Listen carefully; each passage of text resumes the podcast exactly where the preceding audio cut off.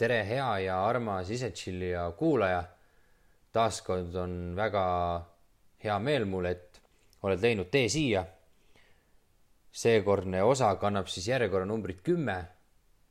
väike juubel, ma ei tea, kas see on siis nüüd juba või alles, aga siiani me oleme jõudnud. Seekordne osa salvestamine toimub siis ühes Lõuna-Eesti nii-öelda suvila talveaias. istud siin talveaias, vaatan, kuidas kärbsed lendavad vastu akent. sees on viinamarjad ja mingisugused lilled, väljas on kõva tuul, hoovihm, puud, ilus tiik. ja üldse väga sihuke mõnus on siin soojas äh, talveaias istuda ja vaadata õue. Aga me jah, nagu ikka, ei jää siia, et me oleme oma lugudega jõudnud umbes aastasse kaks tuhat kuusteist ja kuuks on detsembri algus ja keskpaik, ehk siis ma olen Prantsuse Guajanas viibinud selleks ajaks juba poolteist kuni kaks kuud. palju on nähtud, palju on veel äh, nägemata ja rääkimata. aga ma väga tahaks äh, teid viia oma ühte päeva või sellesse mitmesse tundi kus juhtus väga põnevat, ägedat ja ainulaadset äh, minu senise elu jooksul. nimelt ma vaatasin minu Prantsuse Guajana raamatust, seal on igas minu sarja raamatus on ka väikene kaart, vähemalt nendes, mis mina olen lugenud. ja seal oli kirjas selline asi, et siit mööda kullakaevanduse teed, sealt kuskilt veel edasi ja siis seal oli kirjas selline sõna nagu Fosca anakondade oja. mina kui maosõber ja maohuviline, siis äh, loomulikult tahaks ka näha maailma kõige suuremat madu, anakondat. ja, ja see sõna lihtsalt anakonda põhimõtteliselt võitis kohe minu tähelepanu ja ma teadsin, et äh, et noh, et kui seal on nähtud seda anakondat ja ma lugesin ka, et on nähtud ja mitmeid et siis äkki võib-olla minu õnn naeratab ka seal. ma ei teadnud, kus see on täpsemalt, polnud seal varem käinud, lihtsalt kuskilt pidi ära pöörama. aga ma polnud seda varem mingisugust tee otsa näinud või midagi sellist. tegin siis telefoniga sellest raamatukaardist pildi ka ja hakkasin siis üks hommik äh, teele minema. ma arvan, et ma leidsin selle õige koha ülesse, kus tuleb ära pöörata, see oli umbes, ma ei tea, nelikümmend viis minutit siis kõndida sealt lotsist, siis oli see pööramiskoht, ega see, see oli natukene nagu rohkem võsa, et oli seal midagi kunagi tehtud, siis lähed läbi mingi, ma ei tea, rinnuni mingisuguse võsa, mingisugused rohttaimed seal olid, nägu vaikselt, vaikselt hästi vähe on näha, et keegi kunagi on seal käinud, siis mingi kahesaja meetri pärast on seal selline kõrge katusealune ma arvan, et umbes kümme meetrit kõrge, pikad postid, betoonist valatud põrand.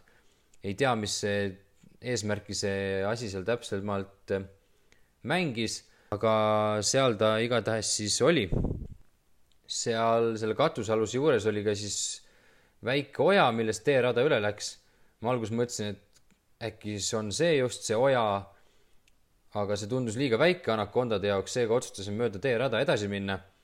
ja sealt oli veel minna päris pikalt, enne kui hakkas midagi muutuma.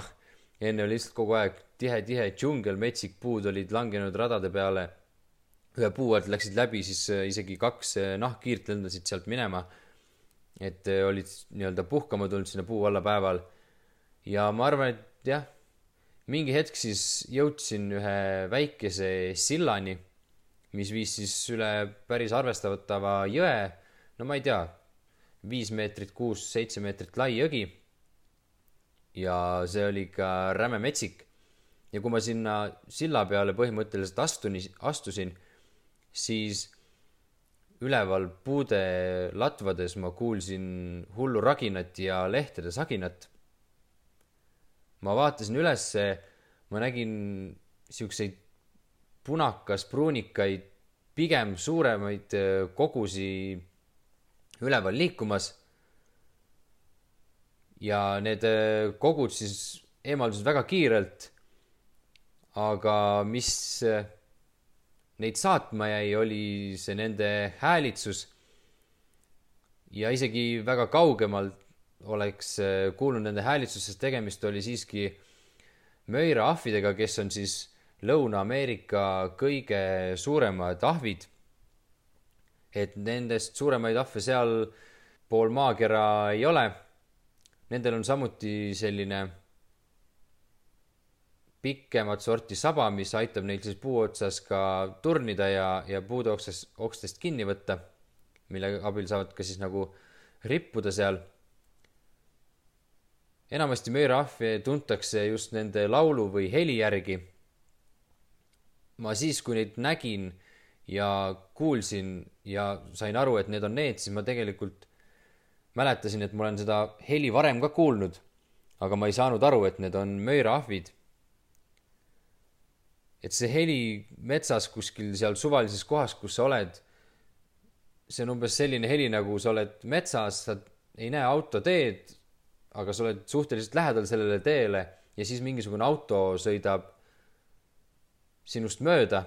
see on umbes hästi-hästi sarnane heli, aga lihtsalt mõni hetk sa oled kuskil täiesti sügavas metsas, lähima teeni on viis kilomeetrit võib-olla ja siis sa kuuled seda heli, siis loogiliselt võttes ka ja see ei saa olla mingisugune auto ega, ega muu objekt, kes mööda sõidab või teeb seda. Ja mõni hommik isegi oled äh, ärganud Möira ahvide laulu peale ja see on päris ehe ja, ja võimas hetk. ja see oli siis esimene päev või esimene hetk, kus ma nägin ka päriselt äh, möirahve oma silmaga. Neid oli seal mingi viis või kuus tükki. minu arust peaks neid olema kaks liiki seal Lõuna-Ameerikas, ühed on siis mustad ja teised on siis need punakas-pruunikad ja, ja Prantsuse Guajanas siis elavad ainult need punakas-pruunikad, möirahvid.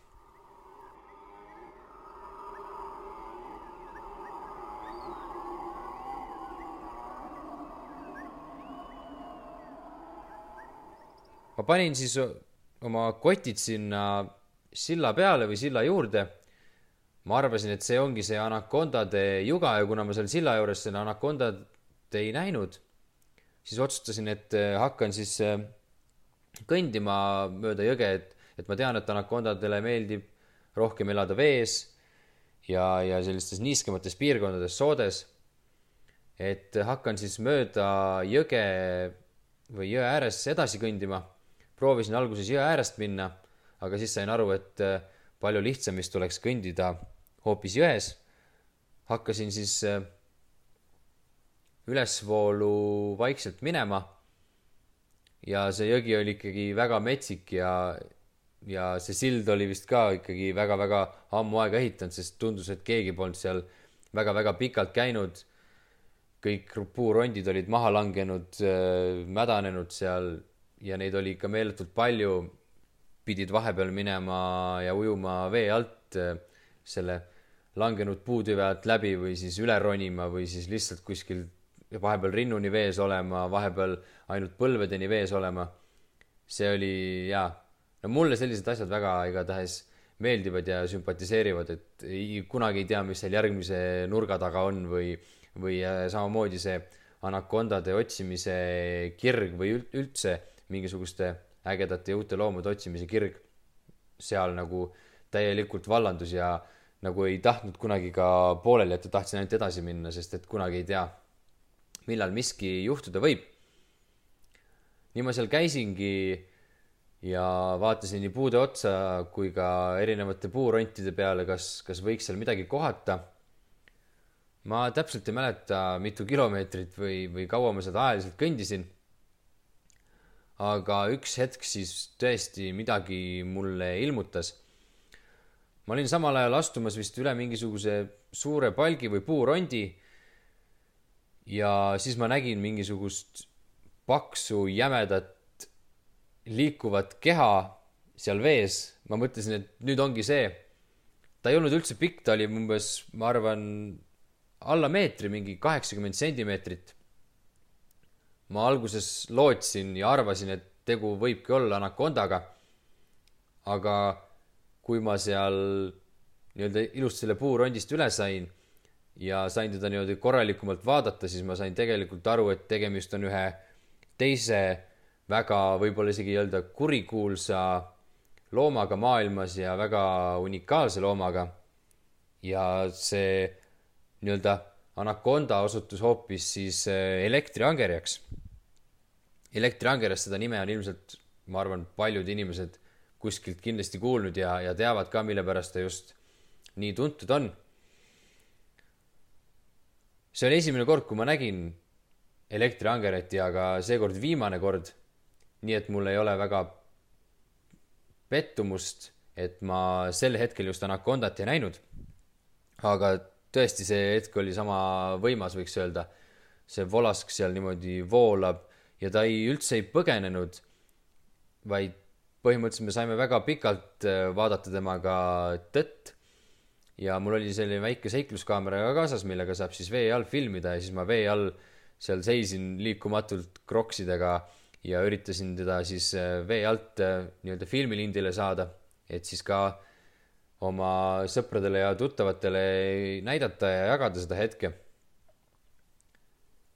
see oli täiesti uskumatu ja, ja, ja võib-olla ma, võib-olla natukene hulljulge ka, et ma seal niimoodi vees koos temaga olin, sellepärast et nagu te teate, elektriangerjas suudab siis tekitada oma kehaga elektrilööke, mis võib, võivad olla siis äh, isegi ohtlikud, et et otseselt see elektrilöök võib-olla surma ei põhjusta, aga, aga võib juhtuda nii, et ta võib selle löögi anda, aga, ja siis sa nagu kukud ümber ja võid uppuda või, või midagi sellist. igatahes mina olin seal hästi rahulikult ja, ja liikumatult põhimõtteliselt. nii et me saime seal rahus seda hetke jagada ja üksteist natukene põrnitseda.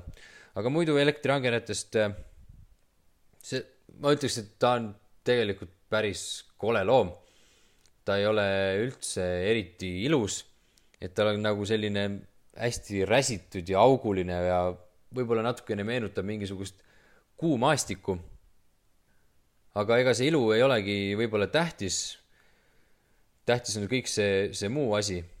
tegelikult äh, elektriangeras näiteks ei ole üldse angeras, vaid kuulub hoopis sägaliste hulka, aga ma ei tea, miks talle selline nimi on siis äh, pandud just ju ta selline pikliku kehaga mao moodi loom on. ta võib kasvada mingi kahe ja poole meetri pikkuseks ja see elektrilöök, mida ta anda võib siis, et see oleneb muidugi looma suurusest ka ja seda ta kasutab siis näiteks äh, saakloomade halvamiseks, milleks võivad olla siis teised kalad, mingisugused imetajad, kes on sinna kukkunud või isegi näiteks äh, linnud. ja, või siis kasutab seda ka enesekaitseks. noh, seekord seda vaja ei olnud siis või vähemalt hästi ma ei tundnud mitte midagi. Neil on hästi-hästi halb nägemine ja enamasti nad tegelikult ei näe, mida nad siis nii-öelda elektriga šokeerivad, et, et see elektriaparaat, mis neil on, et see aitab neil ka niimoodi ümbrust tajuda. et nad mingi iga aja, väikse aja, ajavahemiku tagant lasevad väikseid neid elektrilööke välja ja siis nad selle tõttu siis saavad tajuda, mis neil ümber on kas on teised kalad või liigikaaslased või puurondid või kivid või midagi sellist, et nad elavadki hästi sellistes mudastes ja raskesti ligipääsetavates äh, jõgedes, ojades, sellistes kohtades, kus nägemisel võib-olla väga polegi tolku ja siis selle elektriaparaadiga nad saavad siis ümbrust tajuda. huvitav on veel see, et äh, see elektrilöök teda ennast üldse ei mõjuta ega midagi talle ei juhtu, välja arvatud siis kui selle elektriangerja nahk ise on vigastatud. et muidu see nahk kaitseb, aga kui seal on mingi vigastus peal, siis nad põhimõtteliselt võivad selle elektrilöögiga ka ennast äh, vigastada ja šokeerida. Nad äh, peavad hingama ka õhku, et nad mingil hetkel tulevad ka vee peale. ja põhimõtteliselt, kui elektriangerjal puudub pääs vee peale, siis äh, mingil hetk nad lihtsalt äh, surevad ära. vot sellised huvitavad faktid ka selle elektriangerja kohta. kindlasti pärast vaadake siis Instagramist või Facebookist järgi, et ma panen selle seikluskaameraga tehtud äh, vee alt video ka sinna üles, et siis näete seda looma päris ilusti, et muidu ta on selline tume hall, aga siin lõua all on selline nagu roosakas, punakas äh, laik ja, ja suu on selline hästi pikk, nagu kogu aeg naerataks. vot selline loom. Ma olin väga vaimustuses sellest ja, ja sellest äh, jõest saigi üks äh, minu lemmikkohti, kus alati käia ja, ja noh, kuna ma esimene kord seda anakondat ei näinud, siis ma ikkagi käisin järgmistel kordadel ka kogu aeg seal seda anakondat öö, äh, otsimas, aga, aga sellest juba mõni, mõni järgmine ja teine kord.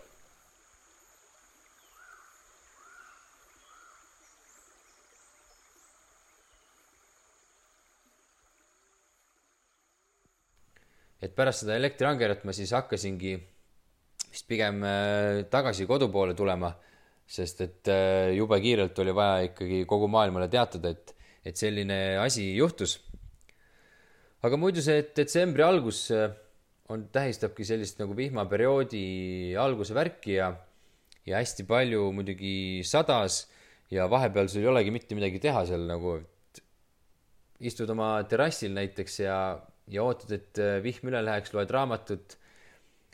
aga samuti, kui vihm järgi jääb, siis minu arust see on just äge moment, sellepärast et, et just vihmaperioodiga vähemalt mina tundsin, et hästi paljud teistsugused loomad tulid äh, välja ja siis ma üritasin ka nii autoga ringi sõita kui jala käia.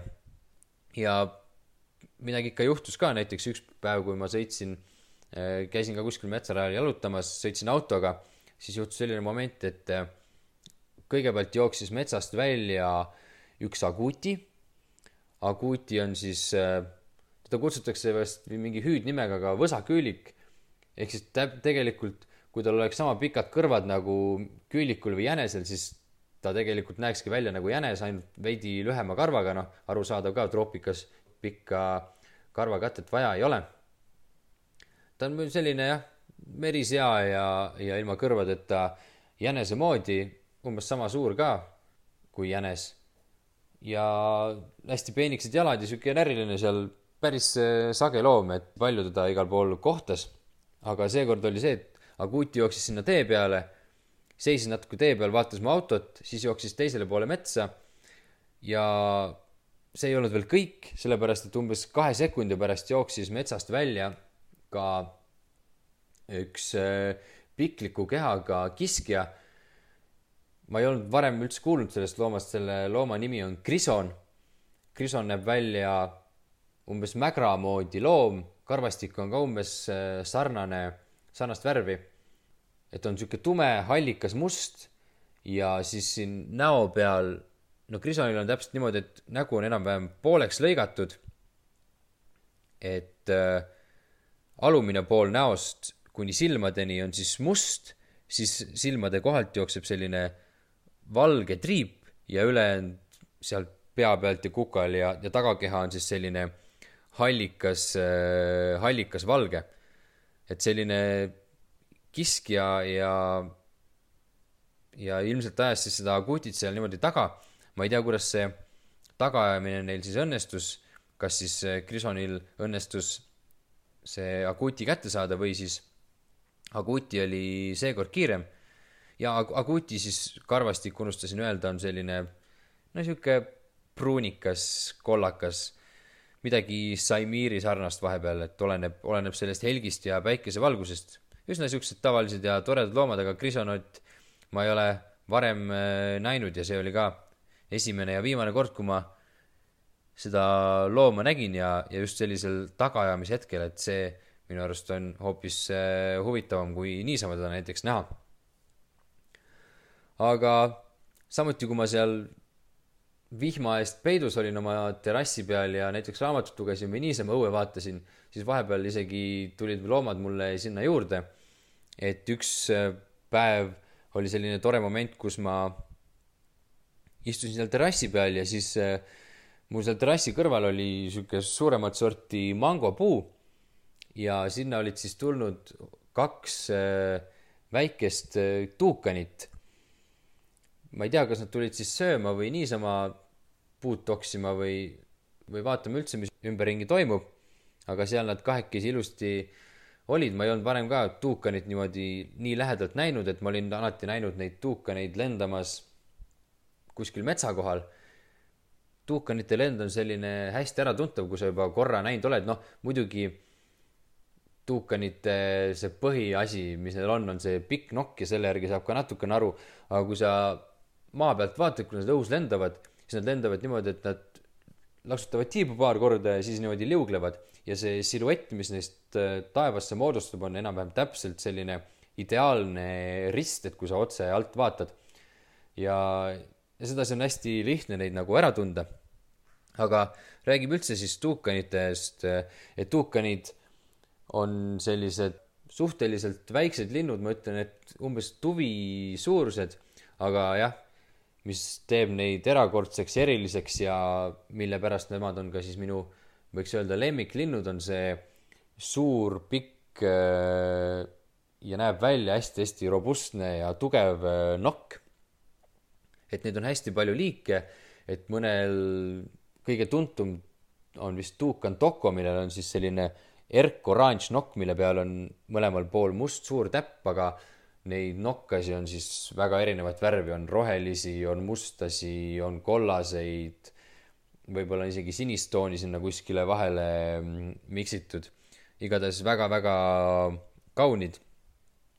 mis veel, tegelikult see nokk iseenesest, ta tundub hästi suur, robustne ja tugev olevat, aga tegelikult ta on põhimõtteliselt seest tühi ja, ja hästi kerge. ilmselt tänu sellele, et ta ongi selline kerge, nad suudavad ka siis nagu paremini lennata, muidu oleks siis ilmselt väga raske seda teha. nokast veel nii palju, et näiteks kui tuukanil sünnib tibu, siis see tibunokk ei ole üldse nii suur, vaid on sihuke hästi väike sihuke tömp ja see siis, mida suuremaks kasvab lind, seda suuremaks kasvab ka see nokk ma ise pole muidugi tuukani beebit äh, nii-öelda reaalses elus näinud, ainult piltide peal, et, et võite pärast äh, vaadata ja see nokk mängib suurt rolli ka nende lindude termoregulatsioonis.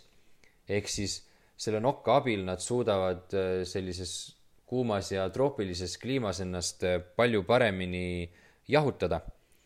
vot selline huvitav asi ka veel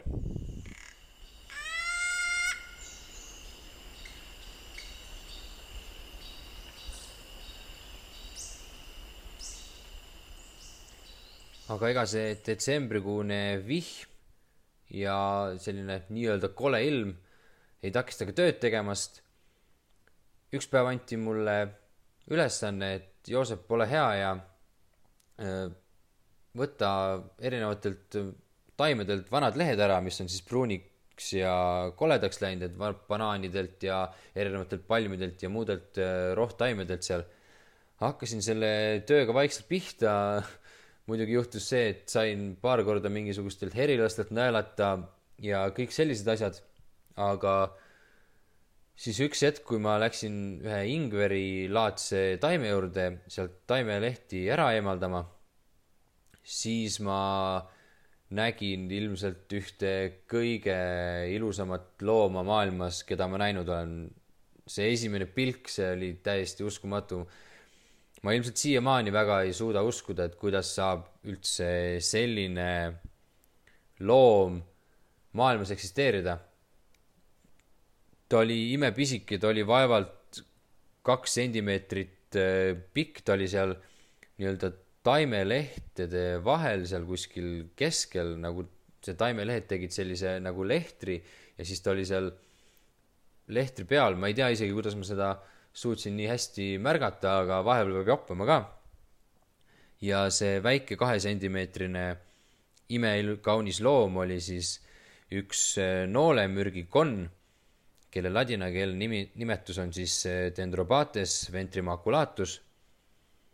ja see on lihtsalt uh, uskumatu, ta on, ta on, võiks öelda, et ta on musta värvi, aga siis tal pea pealt või siit keha pealt tagant jooksevad äh, kaks, kolm, neli sellist kollast või, või oranži triipu.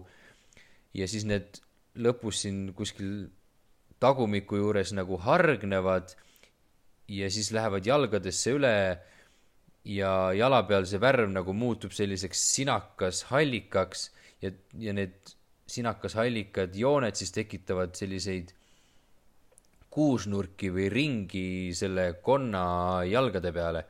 et no täiesti, täiesti ulme, et kindlasti pärast vaadake pilte ka, et siis saate aru ja kui jah, loodan, et te kõik näete ka seda päriselus kunagi kuskil, et, et sellist asja kindlasti ei tasu äh, maha magada mingis osas ma siin äh, mainisin ka neid äh, ohtlikke loomi, siis äh, ma ütlesin seal, et noolemürgikonnad ei saa oma mürki või nad ei tooda ise oma mürki, vaid nad saavad selle oma toidust ja siis see väike Dendrobates ventrimaculata saab oma mürgi siis süües mingisuguseid väikesi lestasid. ja tänu sellele siis muutub tema see nahk toksiliseks. et muidu see, nad ei ole väga mürgised, kõige mürgisemad noolemürgikonnad. Et äh, kui sul jah, kui sul mingit haava ei ole, siis sa põhimõtteliselt võid ka selle noolemürgikonna kätte võtta. aga kui juhtub, et see toksiline aine peaks äh, sinu vereringesse sattuma, siis võib äh, tekkida mingisuguseid jamasid, mingid peavalud ja, ja higistamised ja, ja muud sellised halvad asjad, mida kindlasti ei soovita, aga, aga õnneks läbi silmade midagi sulle külge ei hakka ja on ainult äh, hea. räägin natukene veel nooremürgikonnadest. et äh, see oli siis üks liik, kes seal Prantsuse Guajanas on. et see on see väiksem liik. teine noolemürgikonn, kes Prantsuse Guajanas elab, on siis Dendrobates tinctorius. tema on võiks öelda palju suurem, et võib kasvada umbes eh, viie sentimeetri pikkuseks. Ja samuti täiesti uskumatult kaunis ja äge loom. ta on samuti musta kehaga. triibud tal selja peal, ta pigem on tal kaks triipu, vähemalt neid, mida mina näinud olen, et erinevates eh, paikades umbes, ma ei tea, kahesaja kilomeetri kaugusel võib see muster ja, ja värvikombinatsioon olla hoopis teistsugune, aga, aga seal minu lotsi lähedal on ka, on need sellised, et jah, umbes mingi kaks kollast triipu ja siis äh, kõhualune ja jalad on sinised ja sellise nii-öelda mustade täppide või, või laikudega. vot äh, selline kaunis loom. Nad elavad enamasti vanadel puukändudel, vähemalt seal ma olen neid näinud äh, kõige rohkem sihukeste kändude juures ja nad enamasti on pigem hoopis häbelikud, et, et ikkagi, kuigi neil on väga toksiline nahk ja, ja paljud loomad on õppinud neid vältima, et kui ühe ära sööd, siis hakkab halb ja imelik, et rohkem äh, eredaid värvilisi asju ei söö, siis nad siiski on nagu sellised, kes poevad pigem kiiresti urgu või kuskile tüve vahele, kui sa soovid neist pilti teha aga vahepeal ka õnnestub näha ja vahepeal õnnestub ka pilti teha. et need samuti, see Dendrobates tinctorius ei ole nagu megamürgine, et võib samamoodi ideaalis võtta kätte, kui, kui see mürk sinu vereringesse ega kehasse ei satu. ja isegi need erinevad morfoliigid, mis äh, seal eksisteerivad, ehk siis see erinev äh, värvus ja, ja kuju ja need jooned, et need on ka erineva toksilisusega, aga üldiselt suhteliselt sarnase toksilisusega, et väga palju see muutuda ei saa. ja ma lugesin, et, et kohalikud põlisrahvad vahepeal kasutavad konni ka niimoodi, et nad võtavad noored papagoid, kellel on siis rohelised äh, suled alguses, nad võtavad kõik suled ära ja siis määrivad konni papagoide kehale ja siis uued suled ei ole rohelised, vaid on hoopis teist värvi, et need võivad olla näiteks äh, kollased äh, või siis sinised või, või punased ja need on siis nende rahvaste hulgas väga-väga hinnatud. ja noh, muidugi siis äh, ma ei tea, kas just Prantsuse Guajanas ka, aga üleüldiselt Lõuna-Ameerikas ja Kesk-Ameerikas, kus need noolemürgikonnad siis äh, paiknevad, et neid kasutati siis jahipidamisel, ehk siis kui jahirelvaks oli vibu ja nool või siis see lehes keeratud mingisugune puhkpüss siis see nool tehti enne noolemürgikonna limaga kokku, et paremini saakloom siis nii-öelda halvata. ja sellepärast see nimi ka neil on olemas, noolemürgikonnad. aga ma arvan, et lõpetamegi nende ilusate, kaunite konnakestega tänase osa ära. loodan, et äh, oli huvitav ja teile meeldis ja saite mõne tarkusetera ka siit kaasa võtta. eks tulge ikka siia Isetšilli ja Lainele siis järgmine kord tagasi. aga seniks siis äh, olge mõnusad ja ägedad ja kui tekib võimalus, siis äh, lennake ikka troopikasse. tšau